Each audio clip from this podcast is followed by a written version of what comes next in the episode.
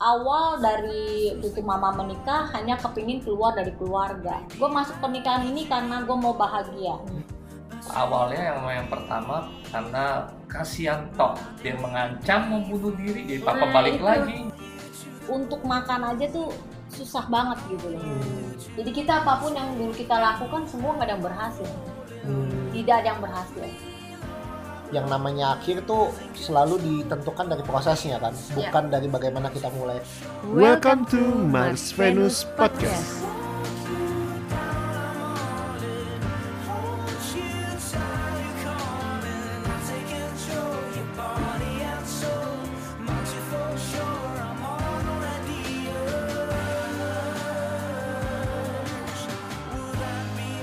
lama nih absen. Harusnya kita sebulan dua kali di sebulan sekali lagi.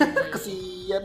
Baiklah, mohon maaf para pendengar Mars Venus karena kitanya udah udah ada beberapa yang minta juga ya. Udah ada beberapa yang uh, DM DM eh thank you anyway buat teman-teman yang sudah DM kita. Uh, artinya uh, apa podcast kita ditunggu cie Ya elah, seneng.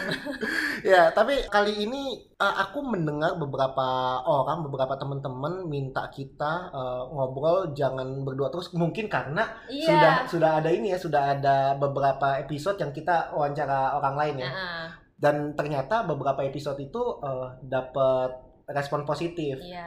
ya hopefully teman-teman gak bosan sama kita sih Memang sih kalau kita undang orang tuh dapat sudut pandang yang baru ya. Hmm, nggak cuma teman-teman yang belajar Hmm. kita pun sebenarnya belajar banyak ya Mm-mm, dan betul. hari ini spesial banget karena uh, berdasarkan apa yang kita sempat ngobrolin bahas tentang memulai dengan salah ternyata responnya luar biasa nih dan ternyata kita juga punya role model lah Beb ya Iya, kalau nggak salah kita sempat ngobrolin ini di beberapa episode yang lalu ya tentang Hmm. si role model kita ini Aku pernah masukin story itu juga. Oh story ya, Uh-uh. aku ingat pokoknya kita tuh sempat ngobrolin tentang hal ini ya. Hmm. Intinya adalah gini teman-teman, Eh, waktu di Instagram kita sempat bahas bahwa sering kali mulai yang salah asumsinya endingnya pasti nggak benar nggak baik eh, atau salah juga. Hmm, Tapi kita melihat ada begitu banyak kasus Ya. yang walaupun mulainya salah hmm. belum tentu akhirnya salah karena kita bisa balik juga loh bisa jadi yang mulainya benar belum tentu endingnya selalu bahagia Betul, Iya banyak kan? tuh yang kayak gitu. Hah. Benar, banyak banget. Makanya hidup itu tuh selalu penuh dengan dinamika.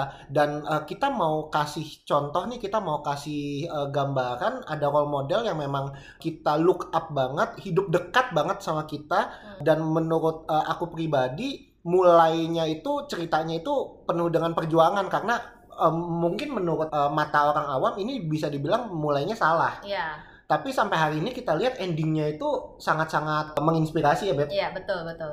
Siapa lagi kalau bukan Cia? Apaan Iya. sih? Berasa kaku nih. Merasa kaku. Ya karena kita mewawancarai langsung Papa, Mertua dari Frankie Wijaya. Bapak dan Ibu dari Teresia Kurniawan. Eh enggak, kamu udah Teresia Wijaya harusnya. iya. Lepas tuh Kurniawan. Lepas Kurniawan. Papa udah nggak ada ini lagi Pak. Nggak, nggak menurunkan Kurniawan lagi Pak. ini dia Papa mamanya Teca. Halo. Halo. Om Tante.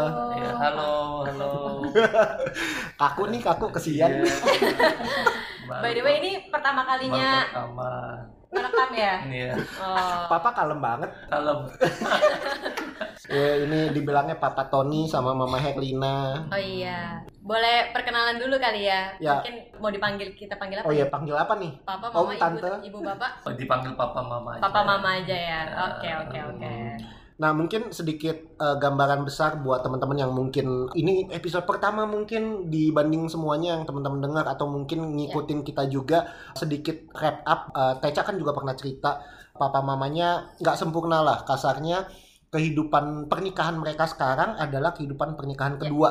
Bukan ditinggal meninggal, tapi memang memutuskan untuk menyelesaikan di pernikahan sebelumnya. Nanti mereka biar cerita ada permulaan yang Hmm. sebenarnya menurut kita sendiri pun pas dengarnya, oh ini permulaannya sebenarnya salah. Ya. Tapi setelah berpuluh-puluh tahun kita bisa ngelihat progresnya tuh luar biasa dan Hmm. uh, hari ini kita bahkan bisa belajar banyak dari Ya. sosok per- uh, kehidupan pernikahan mereka. Bahkan mereka sendiri pun mementori beberapa kehidupan pernikahan yang sudah berjalan, bahkan menjadi mentor pasangan-pasangan yang mau menikah Hmm. gitu. Karena dari kisah hidupnya mereka, dari pengalamannya mereka, mereka bisa cerita banyak. Nah hari ini kita mau bawa ke podcast nih. Iya. Ya udah mulai deh, Beb. Oke.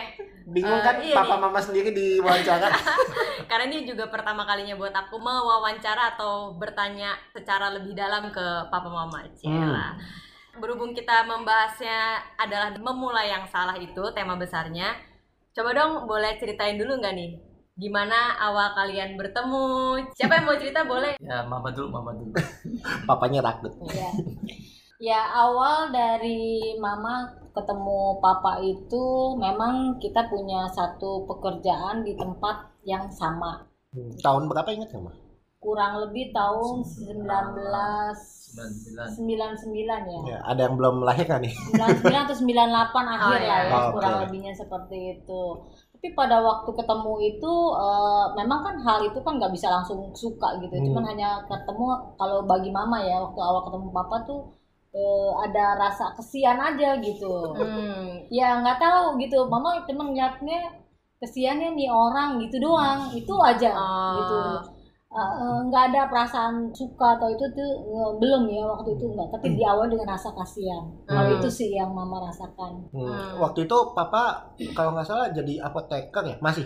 Toko obat. toko Oh toko obat. Hmm. Oke, di tempat yang sama ya. Hmm. Di Hmm. satu apa gedung yang sama lah ya. sama. Ya, waktu itu ceritanya mama lagi jualan apa mah? pecah belah Eh, barang pecah belah dan Hmm. papa lagi jualan obat gitu ya. Jadi ibaratnya sama pedagang cinlok nih di Ya. lokasi yang sama ya. Benar, cinlok. Hmm. Kalau papa ingat nggak pak pertemuan pertama waktu 98 itu? Eh, pertemuan pertama papa ingat ngelihat mama dulu ya papa suka gitu Oh, aja. jadi yang satu kasihan, yang satu Eh, suka nih. suka. Ini ini wah ini buat ini nih pengganti istri nih. Waduh. Ya, langsung gitu kan. Padahal masih ini kan tinggal bareng istri dong waktu Eh, itu. ya lagi udah tahap-tahap udah eh, Mau pisah. jauh udah pisah-pisah. Oh. Hidupnya udah masing-masing lah istilahnya gitu kan. Hmm. Nah itu temulah mama diajak Hmm. ngobrol lah, eh ngobrolnya enak, jadi kayaknya eh, jadi demen gitu. kan. Oh. Ingat nggak pak berapa lama waktu itu sempat mulai apa ibaratnya kayak kencan-kencan awal ngobrol-ngobrol terus tiba-tiba bisa jadi suka pengen Oh, cepet, namanya kita udah bekas eh, menikah, Hmm. Hmm. jadi gaya pacarannya lebih ga- gawat, Ya, lebih Gawat. heboh, Lebih gitu kan. Lebih heboh dari yang waktu muda-muda kali kan. Oh. Ya, jadi langsung udah dalam sebulan dia langsung udah nembak aja langsung ajak pergi jalan apa ini. Oh, ta- Hmm. tapi itu nggak ada perasaan takut tuh Hmm. kalau dinilai orang. ngumpet-ngumpet itu Oh, masih ngumpet-ngumpet. ngumpet. Kita perginya ngumpet-ngumpet Hmm. tanpa sepengetahuan yang lain. Tapi namanya di daerah gedung itu tempat pertokoan itu ya pada tahu semua. Hmm. Jadi heboh. Lah mama gimana tuh waktu itu mah? Kan dideketin papa kondisinya kan masih sama suami yang lama. Iya, memang waktu itu masih masih dengan eh, suami yang pertama, tapi kondisi rumah tangga kita waktu itu memang udah eh, dingin ya. Hmm. Jadi udah masing-masing gitu loh. Jadi ya lu lu gue gue lah, udah seperti itu sih. Hmm. Hmm. Makanya oke aja nih waktu Om Tony ini deketin waktu itu. Ya awalnya yang hanya supaya ada teman ngobrol ya Oh. awalnya gitu kan karena kalau yang sama pertama itu kan eh, kita ngobrol susah ya kalau Hmm. nggak ada waktu ngobrol terus waktu Hmm. ngobrol pun juga kayaknya ngomongnya yang serius-serius doang gitu nggak santai Oh, ya ya. ya. gitu sih Di sini berarti kalau aku lihat sebenarnya yang bikin tertarik satu sama lain itu karena ngobrol ya. awalnya Ya. ya Oh. kita pengen keluarkan sesuatu nggak nggak dapet kan di Hmm. rumah gitu loh awalnya sih Hmm. seperti itu sih Berarti ini pelajaran juga nih buat kita Beb. Kita harus bisa saling terbuka satu sama lain, bisa lebih nyaman untuk ngobrol satu sama lain, menjadi tempat curhat yang baik supaya pasangan kita nggak mencari orang lain untuk Hmm. bisa mencurahkan perasaannya ya. Hmm. betul Ya benar itu. Bener nggak sih kalau curhat itu awal dari rasa suka? Karena banyak anak-anak zaman sekarang nih yang bersahabat, ujung-ujungnya malah jadi suka. benar benar itu kan memang awalnya seperti itu terkadang kalau orang tua dulu menikah ya pikir udah nikah nikah selesai gitu ya Hmm. padahal kan harus dalam pernikahan itu kan harus ada maintenance ya kita harus Hmm. menjadi kadang-kadang bisa Hmm. jadi suami atau istri Hmm. terkadang bisa jadi teman untuk ngobrol seperti itu Ya, ya, ya, ya. Hmm. itu yang uh, mama sih nggak dapet ya teman ngobrol Oh, gitu nggak dapet Itu yang kita bahas kemarin juga Beb, sedikit uh, yang apa uh, tema forgiveness itu Oh iya. bahwa setiap pernikahan tuh ada PR yang harus dikerjakan di dalam kehidupan pernikahan kan. Hmm. Jangan sampai menikah itu jadi tujuan karena kalau menikah jadi tujuan ya kayak semacam selesai gitu loh. Gue deketin lu, Oh, lu iya, deketin iya, gua, iya. terus nikah selesai gitu. Iya. Padahal proses PDKT di dalam pacaran itu kan tetap harus dikerjakan walaupun sudah menikah kan. Ya, betul. Eh, ada PR yang harus tetap dikerjakan supaya hubungannya tetap terasa manis, Iya. tetap bisa menikmati pernikahan gak cuma sekedar berujung di pernikahan itu sendiri gitu. Hmm, bener, bener sih pernikahan itu bukan tujuan ya, tapi justru itu awal proses. Jadi Hmm. bukan setelah Iya. menikah kita langsung udahan dalam memaintain atau menarik pasangan kita, tapi Hmm. harus terus menerus. Ya, Very good, very good. Hmm. Nah, terus papa mama sendiri rasanya apa sih? Ibaratnya apa ya? Kan belum selesai masa proses eh, apa namanya perceraian atau pisah Ya. itulah kan belum selesai. Tapi bukan mengikatkan diri sih, tapi membuka hati lah Iya, kasarnya betul. sama satu sama lain. Waktu itu rasanya gimana sih? Ada rasa bersalah nggak sih? Mm-mm. ada Ada, ada. Itu ada rasa bersalah. Hmm. Itu udah pasti semua kita sebagai manusia pasti takut ada. ya Hmm. Ada ntar nggak enak, ntar takutnya gimana, uh, pandangan orang lain, gitu kan. Hmm. Apa pandangan orang-orang tua, gitu kan. Hmm. Kayak bikin suatu hal apa pandangan yang jadi negatif, tapi tetap aja apa jalanin aja. Hmm. Hmm. Kenapa tuh? Kayak kayak gitu udah cinta udah bilang buta itu bener Oh. Nah, itu bener jadi jadi balik lagi masa muda lagi kayak kayak Hmm. muda lagi Oh, pacaran menggebu-gebu lagi Hmm, ya. menggebu lagi semangat lagi Hmm. kalau nggak ketemu rasanya nggak enak gitu satu Oh, harian aja gitu bisa kan. gitu ya. Hmm.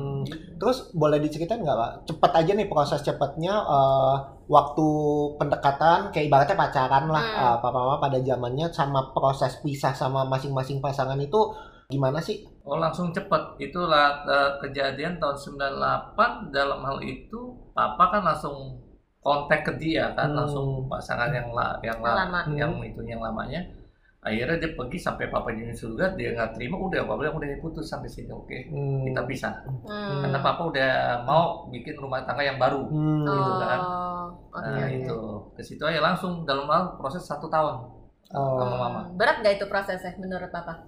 Ya berat karena banyak tekanan dari keluarga juga kan Keluarga nggak- papa ya? iya yang nggak setuju yang ini Hmm. yang mana ini kan tapi tetap papa jalan Oke, oke. resiko ya tetap kita tanggung itu kita tanggung Ya, Hmm. ya, ya. Terus dari yang eh, pasangan yang lama udah akhirnya memutuskan ya menerima. dia akhirnya ini tapi dengan uh, ini uh, papa punya pemikiran apa semua pun tinggalin buat mereka Mungkin mobil rumah kasih mereka Oh, udah papa nggak harus hmm. bawa bawa motor sama udah ada toko udah gitu aja udah. Kesepakatannya gitu berarti ya. Hmm. Oke.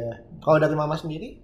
Ya kalau dari mama awalnya pas waktu papa coba menyusul mantannya, Hmm. mantan istrinya tuh waktu itu ada di Inggris gitu ya. Terus jauh ya? iya dia susul sampai ke sana. Eh, waktu itu mama udah berpikir apa mau mau menyudahi saja ya karena secara hati tahu ini nggak benar nih. Oh, Hmm. jadi pengen udahin sama papa nih? Iya, terus mama coba ngomong sama suami yang pertama minta maaf mau mencoba ulang. Oh, jadi ada proses Ada. mau balikan tuh ya? Hmm. ada karena ada rasa takut ada rasa oh ini nggak pas nih Oh, nggak iya. benar nih gitu mama coba eh, menemui coba minta maaf gitu tapi sayangnya respon dari suami yang pertama itu mungkin dia marah ya wajar Hmm. sih dia Iya, marah iya. ya Iya. tapi responnya itu eh, kurang enak gitu Hmm. ada sedikit tekanan dan ada sedikit mengancam Hmm. Oh, jadi gitu. mama pikir Iya kalau ntar mama terusin ntar toh juga akan membuat mama sus maksudnya nggak bahagia juga Hmm. ya sudahlah ini nggak usah deh gitu Hmm. Dan itu prosesnya cepat atau ada Oh, lumayan waktu? lama lama karena kan Hmm. prosesnya kalau dulu kalau mama dari pihak mama kan mama yang menuntut kan untuk Hmm. pisah Hmm. jadi otomatis mama yang ngurus semua surat-surat dan itu butuh biaya yang eh, nggak sedikit gitu loh Hmm. sampai proses ke pengadilan tinggi jadi menang di pengadilan biasa naik banding Hmm. masuk ke pengadilan tinggi itu kan duit bicara duit terus Iya, Hmm. setuju, setuju. Terus keputusan bahwa mama kan punya anak tiga tuh waktu itu. Hmm. Keputusan tiga anak itu ikut mama gimana tuh obrolannya? kalau waktu itu sih nggak ada obrolan ya karena memang eh, suami yang pertama itu memang nggak gitu suka sama anak-anak gitu. Hmm. jadi mereka udah ya sudah nggak nggak pernah ada perdebatan biasanya kan kalau orang pisah itu kan yang direbutin anak Hmm. Iya. kalau ini enggak gitu. Wah, berarti eh, segitu baru tahu nih aku. enggak gitu jadi cuman waktu itu eh, mama cuman ambil dua Teca sama Elin gitu ambil dua nah yang kecil yang Tommy mama nggak ambil gitu Hmm. karena mama juga bingung kalau mau ambil dua mama biaya dari mana mau Hmm. makan mau apa gitu Hmm. kan biaya biayanya gitu akhirnya selama beberapa bulan lah eh, yang kecil itu dipegang sama papahnya Hmm. tapi pada waktu hampir setahun lah ya setahun kemudian ada tetangga yang ngomong maksudnya kasih tahu gitu loh dia bilang tuh anak lu gini gini tuh dia dekil lah Nggak urus. nggak keurus lah Aduh, si gitu. kecil ini Tommy. si Hmm. Tommy akhirnya mama pikir ya sudahlah mama putusin untuk ambil gitu Hmm. walaupun kondisi ekonomi waktu Hmm. itu di bawah. di bawah Hmm. gitu loh bener-bener di bawah yang penting pokoknya makan nggak makan kita ngumpul itu sih Hmm, prinsipnya Hmm. Berarti waktu proses mama menang di pengadilan bawa dua anak tadi ya terus si Tommy dibawa sama papanya yang lama. Proses kemudian mama sama papa Tony sekarang apa langsung memutuskan menikah atau memang ada proses pacaran lagi atau gimana sih? Eh, jadi gini, eh, waktu pas perkenalan kan kita hubungannya nggak bener kan. Hmm. bebas kayak bebas. Hmm. Nah itu kan, tapi akhirnya di situ eh, papa dapat pembimbingan lagi Hmm. dari eh, bapak rohani. Hmm. Ini nggak bagus. Kalau buat pernikahan yang ke depan harus yang benar. Hmm. Nah dari situlah papa ambil sikap kita pisah rumah dulu. Hmm. Oh tadinya sempat satu rumah. Ya udah satu Oh rumah oke. apa ikatan eh, tanpa ikatan. Hmm. Oke, Kayak oke. Simon Le- Simon Leven lah. Apaan tuh sama lewat? Kalau bahasa Indonesianya kumpul kebo. Oh. Nah, itu Simon Leven bahasa Inggrisnya bahasa orang ini Eropa barat-barat. Ya, Nah, Buffalo together. Iya. Nah itu, nah di situ akhirnya kita putuskan. Tapi setahun papa ambil langsung tetap, papa tetap komitmen ambil. Ya, memang mama ngomong dulu ke papa Hmm. untuk anak-anak di mana, papa bilang bawa. Hmm. Hmm. Papa udah emang izin bawa. Susah maupun senang harus dibawa. Kita bawa anaknya. Hmm. Hmm. Itu waktu itu masih dua ya? Bawa dua. Ya masih dua kan, masih dua anak kan. Hmm. Nah, dari situlah baru setahun lagi yang masuk Tom itu ya papa izin nanti bawa aja deh. Hmm. Daripada dia Hmm. di sana nggak terantem, mendingan ikut sama kita. Susah-susah Oh. tapi kita ada dekat sama kita, kita perhatiin gitu aja udah. Hmm. Jadi setelah itu tiga anak baru jadi Hmm. kumpul semua Kumpul. tuh ya ke papa. Terus diberkati pernikahannya gimana tuh? Eh, bukan diberkati Hmm. lagi beda. Oh, Kalau pernikahan yang kedua ini nggak ada dibilang berkati peneguhan. Oh, Oke. Hmm. Tapi itu kondisinya setelah Tommy ikut atau sebelum? Tommy ikut, Sudah ikut. semua udah ikut. Oh, udah berarti setelah masa satu tahun Hmm. eh, bawa Elin Teja, Ya, kan? abis Hmm. itu Tommy. satu tahun ajak Tommy, baru, Baru peneguhan. peneguhan. Oh. Hmm. Aku sendiri penasaran nih gimana biar gimana kan itu anak orang ya. Hmm. Kok bisa eh, akhirnya dengan tulus ikhlas menerima dan menganggap Tiga lagi. tiga orang tiga orang tiga anak itu sebagai anak sendiri. Nah, kenapa papa punya pikiran gitu? Karena Hmm. papa kan eh, pernikahan yang pertama nggak punya anak, jadi papa Hmm. kepengen punya ada anak. Dan papa punya eh, sadar i- i- ini juga anak bukan anak darah daging papa, tapi ini juga da- anak dari titipan dari Tuhan. Jadi papa belajar untuk menerima semuanya, bukan Hmm. menerima mama saja, tapi inilah Hmm. anak-anaknya harus papa terima.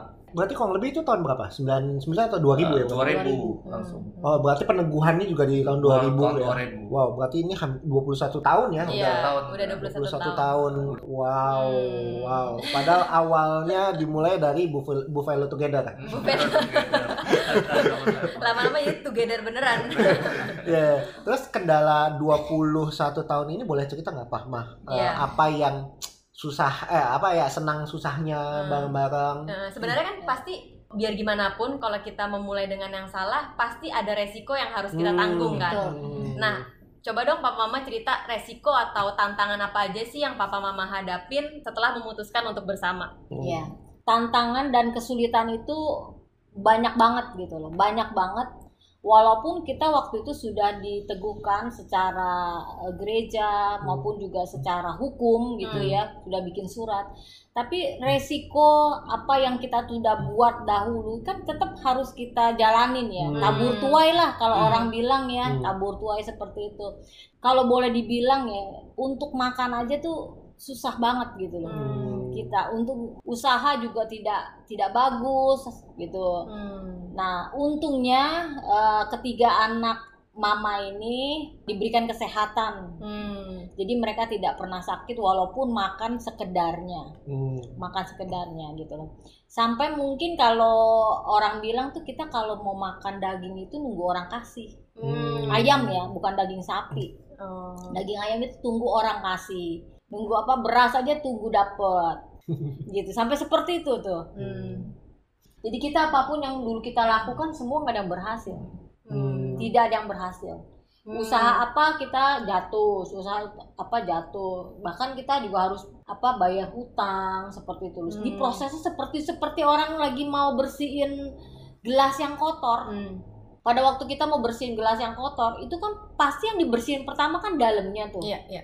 Ya kan dalamnya bersih baru kita keluar nah seperti itulah waktu mama papa mau coba kembali ke jalan Tuhan Hmm. betul Tuhan itu mengampuni betul Hmm. tapi proses setelah pengampunan itu kita terima itu waduh itu sakitnya Hmm. luar biasa luar biasa sih Iya. kalau buat mama Jadi, tapi istilahnya kayak orang dihukum gitu kan udah bersalah dia kan udah di Hmm. penjara dia Hmm. tetap harus ngerasain dong Hmm. susahnya di penjara Hmm. gitu kan Ba- badannya gimana pikirannya gimana Hmm. nah begitu pun juga kami kita benar-benar dibersihkan dalam pola pikir kita ini pernikahan harus menerima apa adanya sesuai apa yang janji nikah Hmm. semua awal Hmm. pertama harus menerima ya udah nerima kekurangan pasangan harus terima Hmm. waktu permasalahan muncul yang lalu-lalu misalnya mama ada hal-hal yang bisa papa kaget itu harus tetap papa terima masa Hmm. masuk mesti papa langsung nggak bisa tetap mesti papa terima tapi akhirnya berjalan dengan apa tetap taat akan Tuhan Hmm. itu aja Hmm.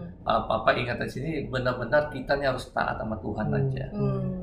Waktu mengalami kondisi finansial susah itu pernah nggak sih menyalahkan diri sendiri atau masa lalu? Kayak ini nih karena gue salah sih. ya pastinya ya menyalahkan sih menyalahkan diri sendiri Hmm. gitu loh karena uh, apa yang dulu kita pikir menguntungkan ternyata belum tentu gitu loh Hmm. semua kan rezeki itu kan Tuhan yang atur kan Iya.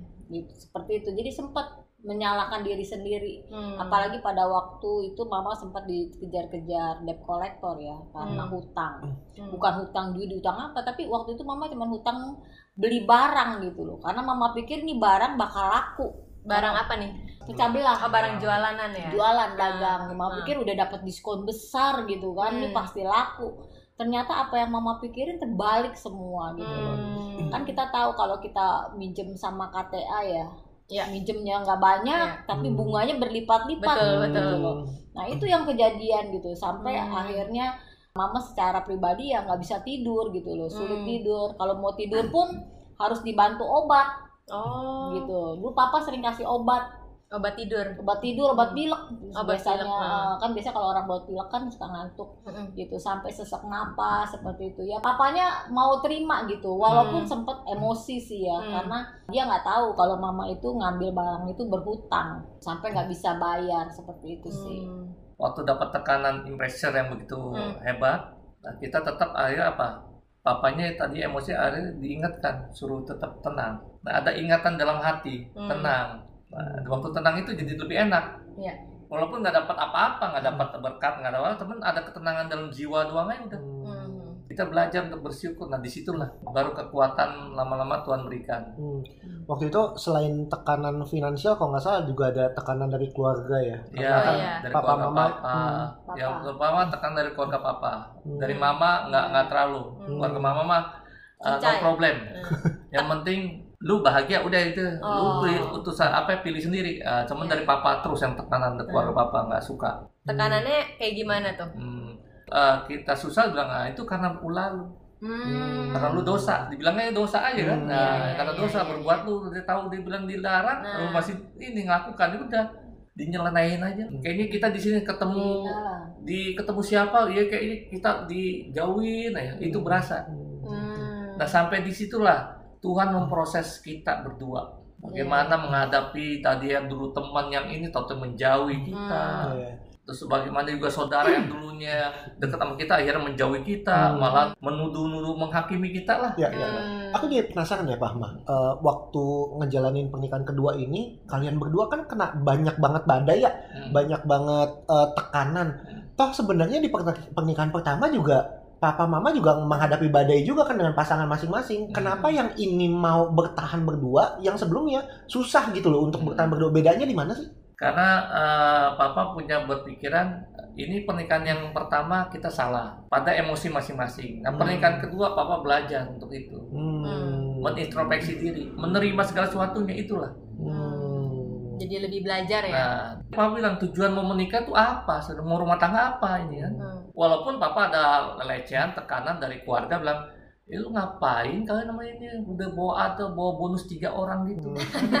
Beli satu dapat tiga. Beli satu dapat tiga kan kan kayak kayak apa tuh iklan-iklan McD dapat bonus ini kan. Nah, eh, tapi papa bilang nggak apa-apa, itu kan bukan anak kandung, nanti nanti bakalan ngejauhin kalau udah nanti berhasil tetap tudingan itu tetap ada tapi apa tepis. Hmm. Papa belajar papa yang tepis. Hmm. Enggak ini anak saya. Hmm. Hmm. Ini anak kandung saya. Walaupun bukan darah daging tapi darah daging saya pribadi. Udah gitu aja. Memang sih kalau kita lihat-lihat juga memang kalau memulai yang salah itu rata-rata ya ada tekanan sosial misalnya bisa jadi depan kita orang itu baik tapi di belakang kita orang itu ngomongin atau enggak kita suka dipandang sebelah mata sama orang lain hanya karena kita memulai dengan salah dan banyak judgement dari orang lain juga sih itu memang salah satu resiko yang kita, harus kita hadapin makanya Hmm. memang cukup berat ketika kita memulai dengan salah tapi memang selama prosesnya bisa dihadapin sebenarnya bisa-bisa aja ya nah kalau papa mama itu gimana ngadepin tekanan sosial Kalau dulu kan menghadapi tekanan sosial dengan kekuatan sendiri ya. hmm. Kalau sekarang ini karena kita merasa eh, kita mau lebih baik dari yang lalu-lalu, Hmm. kita mau berubah, kita Hmm. mau benar-benar bertobat. Nah, waktu kita mau benar-benar bertobat itu artinya kita akan menyerahkan hidup kita ke Tuhan. Hmm. Hmm. Jadi waktu menghadapi tekanan nggak sendiri, Hmm. kita bersama Tuhan gitu. Hmm. Walaupun ya eh, badai itu kan datang silih berganti gitu, tidak pernah putus gitu. Iya. Tapi satu hal yang Mama pegang bahwa Mama nggak akan terjatuh kalau bersama Tuhan. Hmm. Tetap ada badai ada Hmm. gitu loh, tapi eh, nggak terjatuh Hmm. gitu. Jadi ada penghiburan lah yang memberikan kekuatan. Jadi intinya gini, itu kita dengan apa dekat pada Tuhan aja dengan apa doa kita, Hmm. ya kan? Itulah kekuatan yang besar yang Tuhan berikan. Hmm. Walaupun khawatir, takut, benar. Tapi dalam hal itu waktu kita diberikan ketenangan, waktu kita hanya doa terus, tekun, tapi tetap aktivitas ya. Jangan pernah ma- malas itu aja. Kita tetap tekun sama Tuhan itu berdoa dan kita harus belajar apa? Berbuat baik. Poinnya gitu berbuat baik. Nah dari situlah Tuhan yang melengkapi, Ya, ya. Hmm. ya kan? Yang memberikan apa? Kekuatan, penghiburan, Hmm. kemampuan itu semua. Ya. Ada aja nanti tahu bisa dapat berkat. Kita udah nggak ada beras, tapi ada orang ngirim terus datang bawain beras Ya, ya. sampai oh papa nangis jadi aduh ada om Andi ya yang ini enggak saya lagi dalam doa saya diingatkan suruh bawa beras ke tamu Hmm. Emang kamu kurang enggak uh, papa masih sombong enggak ada ada pasti ada ada pasti kita nggak ada beras nah itu kan satu kan Tuhan yang buka Ya, jalan ya, waktu ya. kita dekat akan Tuhan dan Hmm. bersama Tuhan Hmm. Artinya dalam kehidupan pernikahan yang kedua ini, eh, papa mama justru lebih banyak apa ya? Karena lebih dalam pengalaman spiritualnya bersama-sama, eh, jadi justru pengalaman spiritual itu yang memampukan papa mama bisa lebih enjoy, lebih happy, lebih bisa ngejalanin kehidupan pernikahan yang kedua itu jauh lebih baik ya. ya Dan pengalaman spiritual itu justru yang ngebuat papa mama eh, lebih bisa merasa dekat satu sama lain karena Hmm. merasa nggak sendirian kan Iya. menjalani Hmm. semua beban-beban Hmm. badai ini. yang papa ingat lagi komunikasi Hmm. apa komunikasi dengan mama harus tetap terbuka Hmm. Jadi tidak ada saling tutup menutupi. Itu Hmm. pentingnya dalam rumah tangga yang kedua yang papa mama lakukan ini. Nah, berarti sebenarnya di pernikahan pertama itu banyak yang ditutup-tutupin dong ya? Hmm. Makanya Kalau menurut papa Oh. banyak. Karena papa mau nolong saudara, dia nggak terima. Jadi ribut tiap Hmm. hari nggak ada tanpa tanpa Hmm. ribut. hmm. Kalau nggak ribut kayaknya rasanya nggak enak. Nah itu yang waktu yang pertama. Nah, makanya belajar dari yang pertama, kalau sama yang pertama kurang terbuka, Hmm.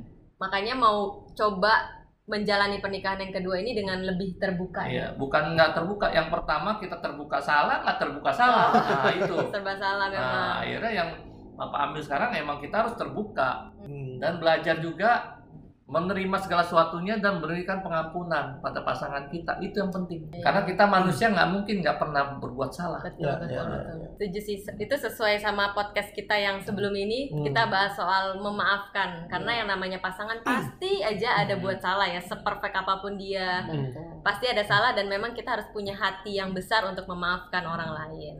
Ini juga poin yang kita obrolin waktu di Instagram juga ya Hmm. eh, tentang memulai dengan salah bahwa yang namanya akhir tuh selalu ditentukan dari prosesnya kan, bukan dari bagaimana kita mulai. Karena mulai sebaik apa pun atau seburuk apa pun tidak selalu menentukan akhirnya seperti apa. Ya. Ada beberapa yang bilang what you see is what what you get. Apa yang kamu lihat itu yang kamu dapatkan. Iya. Benar, Benar. benar. Eh, kalau kita ngelihat misalnya dalam sebelum menikah dia perokok, terus dia tiba-tiba bilang enggak, gue pasti berhenti nih ketika Hmm. menikah. Hampir 100% nggak mungkin kejadian. Tapi apakah akhir hidupnya dia tetap ngerokok kan belum tentu Iya. gitu. Eh, dia suka mukulin misalnya, eh, terus tiba-tiba bilang enggak setelah menikah gue nggak akan mukulin lagi kok. Pasti masih mukulin, tapi apakah di akhir hidup akhir, akhir pernikahannya masih mukulin kan nggak tahu gitu. Hmm. Jadi permulaan tidak selalu menentukan akhirnya, Hmm. tapi justru proses di tengah-tengahnya itu yang Ya. kemudian bisa nentuin akhirnya kan. Ya. Nah, menurut Papa Mama sendiri gimana nih buat ini kan yang dengerin sebagian besar anak-anak muda, banyak juga sebagian besar belum menikah, mungkin masih ada dalam proses pacaran dan lain sebagainya. Eh, banyak dari mereka mungkin merasa bahwa sekarang itu mereka mulai dengan salah. Hmm. Bisa jadi proses pacarannya mulai dengan salah. Let's say apa? mi- eh, sekarang sudah ngelakuin seks di luar nikah misalnya, atau enggak mereka udah melakukan ya kebohongan misalnya. Terus juga eh, apa pukulan-pukulan fisik misalnya. Atau bisa jadi ngambil pacar temennya Nah. misalnya. Ya, sering kali banyak banget yang merasa bahwa aduh gue udah mulai dengan salah nih. Bener gak ya gue bisa mengakhiri dengan baik? Nah, dari papa mama ada ada pesan nggak buat teman-teman yang memulai dengan salah? Papa Mama kasih masukan ke sini podcast ini bukan tujuannya untuk supaya ngikut uh, gaya Papa Mama Hmm, tapi ini buat nasihat buat kalian yang masih muda-muda hmm, kalau misal tadi yang tadi udah disampaikan sama Frankie itu ada hal terjadi yang sudah milih dan ada hal itu uh, marilah kita membereskan diri masing-masing. Belajar untuk meminta ampun dulu sama Tuhan terutama. Hmm, dan pilihannya sudah ambil ya sudah Hmm. diambil jalanin. Tapi kita tahu tujuannya untuk apa. Hmm, menikah ini untuk apa? Hmm. Nah, mau berumah tangga untuk apa? Hmm. walaupun tadi bilang Frankie bilang ada ntar ada kejadian ngambil pacar orang ada rasa tertuduh. Hmm. nah itu benar rasa tertuduh itu pasti akan ada terus Hmm. kita harus taat sama Tuhan dan lakukan dengan kebaikan-kebaikan kebenaran Eh, abis itu nggak nambah kesalahan-kesalahan baru Nah, gitu pak ya? iya. udah Iya, iya, Hmm. iya. Ya mungkin maksudnya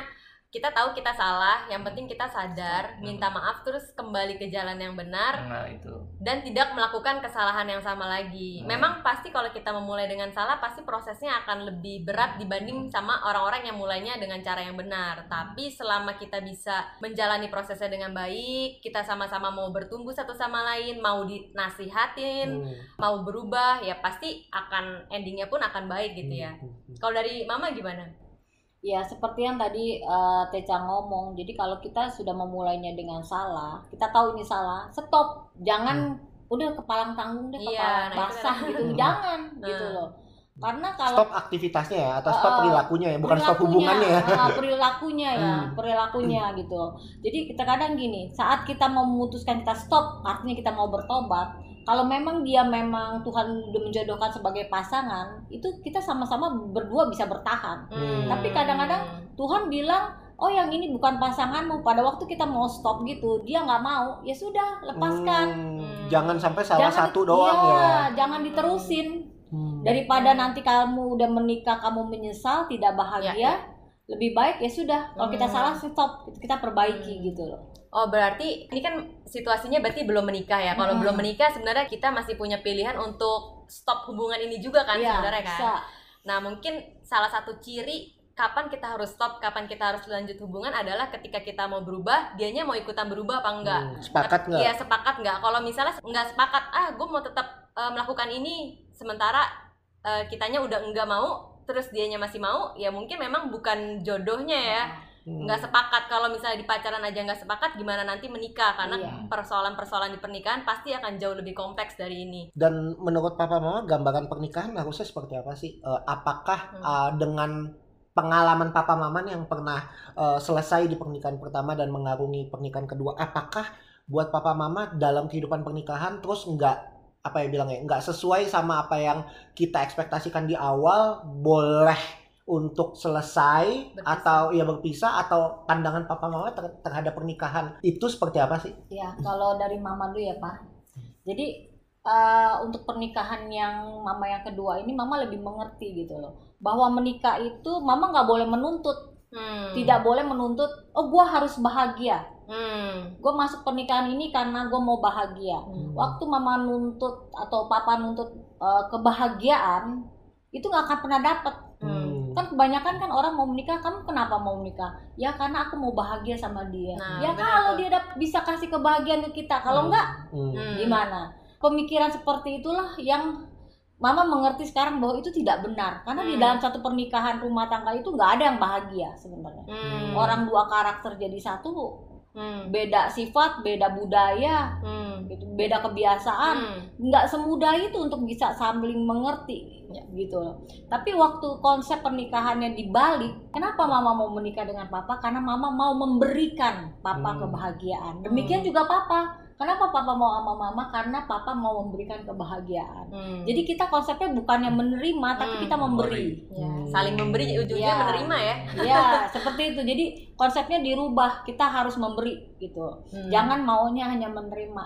Nah, pada waktu kita punya konsep seperti itu, berarti kan kita mau mengalah. Hmm. Terus juga kita mau menerima setiap kekurangan yang ada di pasangan. Kalau kita memakai konsep seperti itu, eh, lebih baik kita lebih baik memberi.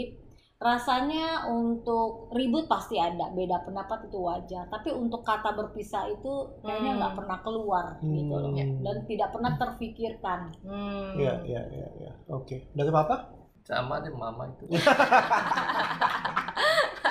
Coba kalau papa duluan, pasti beda kan? Ya, ini bukti kekompakan ya. ya dari papa sih sebenarnya itulah kalau yang dari awal pertama ya kita harus menerima apa adanya itu yang penting. Dan juga kita harus mengetahui kekurangan pasangan kita. Harus terbuka. Kekurangan itu kita rekam di alam bawah sadar kita. Nanti sewaktu pasti ada clash itu akan muncul. Hmm. nah muncul itu kadang-kala jadi buat barometer dalam pemikiran kita. Hmm. mengingatkan Hmm. iya kan nih kekurangannya itu. Masa kamu masih mau nekat? Nah itu. Ya. akhirnya jadi bisa balance Hmm. bisa tenang. Tapi kamu mesti ingat loh bahwa terbuka itu sering kali menyakitkan. Hmm. Jadi kalau kita mau jujur, terkadang kita tersakiti gitu. Jadi tinggal pilih mau dibohongin atau mau jujur. Hmm. Hmm. Terus gimana tuh? Kalau mama pilih jujur, walaupun memang terkadang eh, terbuka itu jujur itu nyakitin, Hmm. tapi kan itu akan terobati. Kalau jujur itu lebih baik dipoles nggak? Tergantung ya. Kalau mama tipe nggak nggak suka, nggak suka, ya ngomong ya apa adanya. Oh. Gitu. Karena kan kita mau jujur aja susah ya. Hmm. Kalau kita mau cari orang pinter banyak, tapi cari orang jujur itu nggak gampang. Ya. Hmm. Hmm. Nah kita harus mulai dari diri sendiri lah jujur. Hmm. Ya, Jujur itu mahal ya. Kan di eh, akhirnya apa kejujuran yang utama Hmm. Ya. Nah makanya nih yang masih pacaran coba lihat jujur nggak pasangannya dari sekarang. Ya, ya, ya. Pak, mah pandangan terhadap perceraian dong. Gimana papa mama memandang perceraian sekarang?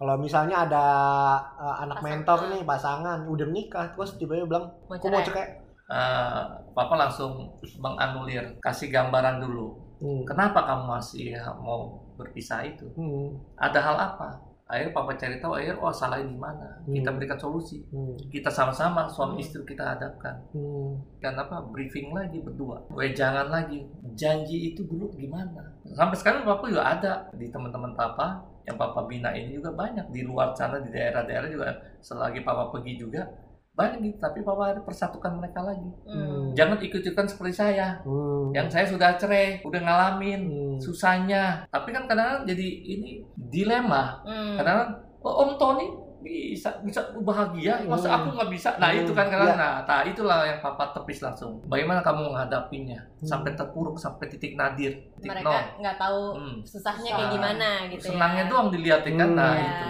akhirnya dia, baru dia mengerti jelaskin lagi tujuan menikah itu apa Hmm. sebagai sosok suami harus seperti apa Hmm. wanita harus seperti apa itu yang papa bagikan kepada mereka semua Hmm. Ya.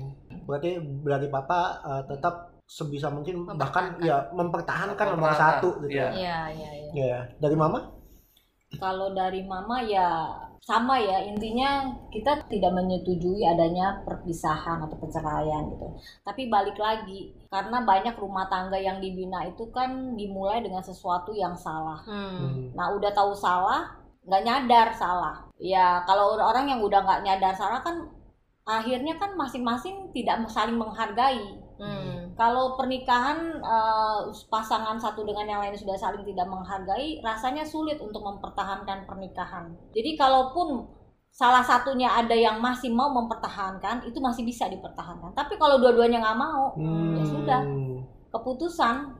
Karena itu kan eh, nggak bisa dipaksa ya. Mhm. Makanya sangat disayangkan sekali kalau banyak orang yang mau menikah ini punya motivasi yang salah. Mereka kan selalu memikirkan dengan detail, dengan bagus, dengan apik gitu ya pernikahannya, acaranya acaranya Hmm. gitu loh. Tapi mereka lupa memaintain sesudahnya itu seperti apa gitu loh. Kan harus dilatih dari sekarang. Misalnya awalnya sebelum menikah nih orang suka bohong. Jadi mulai sekarang dia nggak udah belajar untuk tidak berbohong misalnya apa hal-hal yang menurut dia ini kurang pas nih harusnya sudah diperbaiki gitu loh Hmm. jadi jangan semuanya itu harus dimulai memperbaiki setelah menikah Hmm. rasanya susah ya Hmm. kalau Iya. memperbaiki setelah menikah itu jadi balik lagi ke masing-masing sih dari aku ada pertanyaan random sih setelah mengalami semua ini seandainya dikasih kesempatan balik lagi ke masa lalu akan mengulang hal yang sama atau akan berjuang mempertahankan pernikahan pertama nih kalau mama kalau ke- boleh kembali ke masa lalu Hmm. mama akan berpikir uh, ulang berpikir keras pada saat mau menikah menikah yang mana nih yang pertama Pertama. Oh, yang pertama Nah, Hmm. karena awal dari itu mama menikah hanya kepingin keluar dari keluarga Hmm, ya ya. Nah ini banyak nih aku dapat banyak cerita. Memang menikah karena pengen cepet-cepet keluar. Betul, seperti itu. Jadi mama berpikir ah kalau udah keluar dari keluarga enak gitu Hmm. kan, seperti nggak ada yang ngatur, nggak ada yang ini Hmm. gitu. Ternyata tidak berbuah yang bagus. Hmm. Gitu. Ya, jadi malah lebih mikir sebelum menikahnya harusnya dipikir lebih matang lagi. Hmm. Kalau dari papa? Kalau dari papa, kalau suruh ulang lagi. Iya. Mau mengulang hal yang sama lagi atau bakal alur ceritanya berbeda nih dari sekarang? Kalau dikasih kesempatan untuk kembali ke masa lalu. Iya kayak mama gitu, karena papa dulu awalnya yang yang pertama karena kasihan tok. Kasihan. Eh, karena kasihan dia mengancam membunuh diri, jadi papa Nah, balik itu. lagi. Nah itu, jadi papa salah. Sebenarnya udah nggak cocok karena papa kasihan. Terus ternyata kalau waktu pisah pun nggak bunuh diri juga kan? Terus jadi selama ini dibohongin dong ya. Ancaman gitu kan. palsu. Nah di situlah ditantang terus pacaran sudah lama nggak mau nilai- jadi gaya sombong. Oh. Ya kapan? Ya udah mau nikah, yuk ayo. Wah Oh. itu mau bergaya sama temen gue bisa nikah nih gitu. Hmm. Akhirnya salah kan? Ya, ya, ya, ya. Persepsi buat nikah tuh salah. Iya. karena ditanya kapan nikah kapan nikah jadinya Terus- ada tekanan untuk menikah ya Ayo udah udah ya udah. Ayo tahun depan ya, tanggal segitu deh langsung. Gitu. Gaya kan Iya. gitu kan. berarti men- Sombong kan? eh, menikahnya untuk pembuktian Nah, itu itu yang salah. Iya. Ini membuktikan bahwa kesalahan dalam keputusan Hmm. eh, pernikahan itu efeknya seumur hidup. ya Apa ya? Walaupun pada akhirnya memutuskan untuk berpisah sekalipun di pernikahan kedua pun papa mama tetap menghadapi badai yang luar biasa ya. Ya. Itu nggak bisa ditepis bahwa ya itu harus ditelan. Betul. Pil pahit itu harus ditelan gitu. Jadi keputusan yang salah di pernikahan pertama awal mau memutuskan menikah di pernikahan pertama itu pil pahitnya harus di apa ya dinikmati ya seumur hidup mau nggak mau ya. ya. Ya itulah kenapa teman-teman kita selalu bawel di pacaran eh, Hmm. yang bener lah terus obrolin yang bener komunikasinya yang bener. Karena ya pada akhirnya keputusan selesai pacaran mau masuk ke jenjang pernikahan itu ya keputusan sekali seumur hidup. Ya. Eh, artinya itu one way ticket kita nggak bisa balik lagi. Apa pun yang terjadi di depan baik itu manis atau pahit ya konsekuensinya kita hadapin seumur hidup. Ya Tapi di sini papa bersyukurnya anak-anak yang papa dapatkan ini memang benar jadi kayak anak papa asli Hmm. gitu. Hmm. Itu aja. Dan mereka juga merasakan juga oh iya dia menganggap papa sebagai papa kandungnya. Nah, itu Hmm. aja yang papa terhibur di situ kebahagiaan yang papa dapat sekarang ya seperti itu. Dari orang luar juga melihat. Hmm. Disangka ini anak papa asli semua. Hmm. Ya. Nah, pas mereka tahu ini bukan pada kaget semuanya benar pada kaget kok bisa ya gitu kan nah bahwa nggak selalu tuh anak kandung yang kita harus perhatikan Hmm. kalau udah kita ambil komitmen ya udah kita harus rawat seperti anak kandung Hmm. Hmm. Pada akhirnya manis pahitnya pernikahan tuh dilihat dari buahnya ya. ya Nggak nggak cuma kita lah yang lihat, tapi orang lain tuh ngelihatnya seperti apa. Orang lain merasa pernikahan kita itu bisa kasih dampak juga nggak sih buat mereka. Mereka bisa lihat sesuatu nggak sih dari pernikahan kita. Apa kita cuma ngomong doang gitu loh. Iya. Baik baik ternyata pas dilihat hubungan sama anaknya nggak baik misalnya atau ngomong di rumah eh, sewaktu nggak kelihatan sama orang lain ternyata ngomongnya juga kasar sama suami atau istrinya tapi yang yang dilihat itu sebenarnya adalah buah ketika ya nggak di depan orang Ya. sebenarnya Oke, thank Menarik. you, iya, thank you Papa Mama. Ini salah satu role model kita. Ya. Eh, kita berdua sama-sama melihat bagaimana kehidupan pernikahan Papa Mama itu sesuai dengan apa yang diomongin, bukan cuman sekedar kelihatan manis di luar, pinter ngomong, tapi aku melihat sendiri mereka mempraktekkan apa yang mereka omongin dalam kehidupan rumah tangganya. Makanya kita berani untuk interview mereka nih ya. Hmm, ya, ya, ya.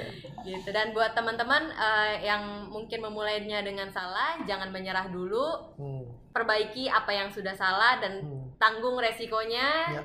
apalagi beb bingung bingung nutupnya ya Ih, bingung menutupnya nih Nggak sih, buat aku nggak cuma sekedar memulai dengan salah sih. Hmm. Eh, cerita ini menyadarkan aku karena menurut aku pribadi kita Hmm. berdua mulainya nggak salah, ya ngerti nggak? Tapi eh, kita kan kita pengen endingnya tetap ya, manis. ya, ya. Jadi eh, apa pun permulaan atau awalnya kalian eh, jangan sampai lalai di ngerjain PR di tengah-tengahnya. Ya. Karena mulai salah, mulai benar, kalau lalai mengerjakan PR di tengah, endingnya ya kita bisa tebak dari proses di tengah- di tengah-tengahnya. Ya, ya. Eh, kalau kita mau endingnya manis ya PR-nya dikerjain gitu bagaimana kita menjaga keintiman ketika eh, proses pacaran Hmm. proses pernikahan itu yang perlu dijaga bukan mulainya Ya. Eh, mulai cuma menentukan konsekuensi di tengah Eh, tanpa konsekuensi artinya ya udah nggak ada yang cibir nggak ada yang ngomongin atau mulai dengan salah mau nggak mau kita harus jalanin plus konsekuensi konsekuensi negatifnya Hmm. Eh, tapi at the end eh, hasilnya itu ditentukan dari bagaimana kita merespon di tengah-tengah perjalanan itu Iya benar. Gitu. benar. Jadi So, kalau udah hmm. dapat benar tadi kata papa mama ya, Hmm. jangan leha-leha di Iya. prosesnya, tapi harus terus mengusahakan keintiman atau kemesraan hubungan ini. Iya. So hopefully teman-teman semua pendengar ini termasuk kita, Yeah. termasuk papa mama juga, hopefully at the end of our life kita bisa melihat bahwa hasilnya baik, eh, buahnya manis, tapi semuanya itu cuma bisa eh, menjadi buah manis ya ketika kita benar-benar ngejalanin prosesnya dengan benar dengan Yeah, baik. yeah. That's all teman-teman, thank you very much udah dengerin ini sampai akhir. Semoga kita tetap bisa kasih hal-hal yang lebih inspirasional lagi nanti di Yeah. ke depannya ya. Oke. Thank you teman-teman. Dan you. akhir kata papa mama tersayang. Ya, eh, bye gitu. Thank you, thank you ya sudah dikasih kesempatan untuk awal pertama untuk apa ya, wi- apa bicara. Bicara. Nah, biasanya di ruangan tertutup ini eh, Tertutup juga, Pak. tertutup ya. Tapi baik yang denger kan kalau gini kan jadi Oh, iya. kan. Nah, ini. Kalau gini tipe-tipe papa sering dengerin tiap malam, ulang-ulang episodenya. Jadi ini jangan podcast kita dengan jumlah eh, pendengar paling banyak nih Karena papa, terus sendiri. denger. Dan thank you teman-teman. See you.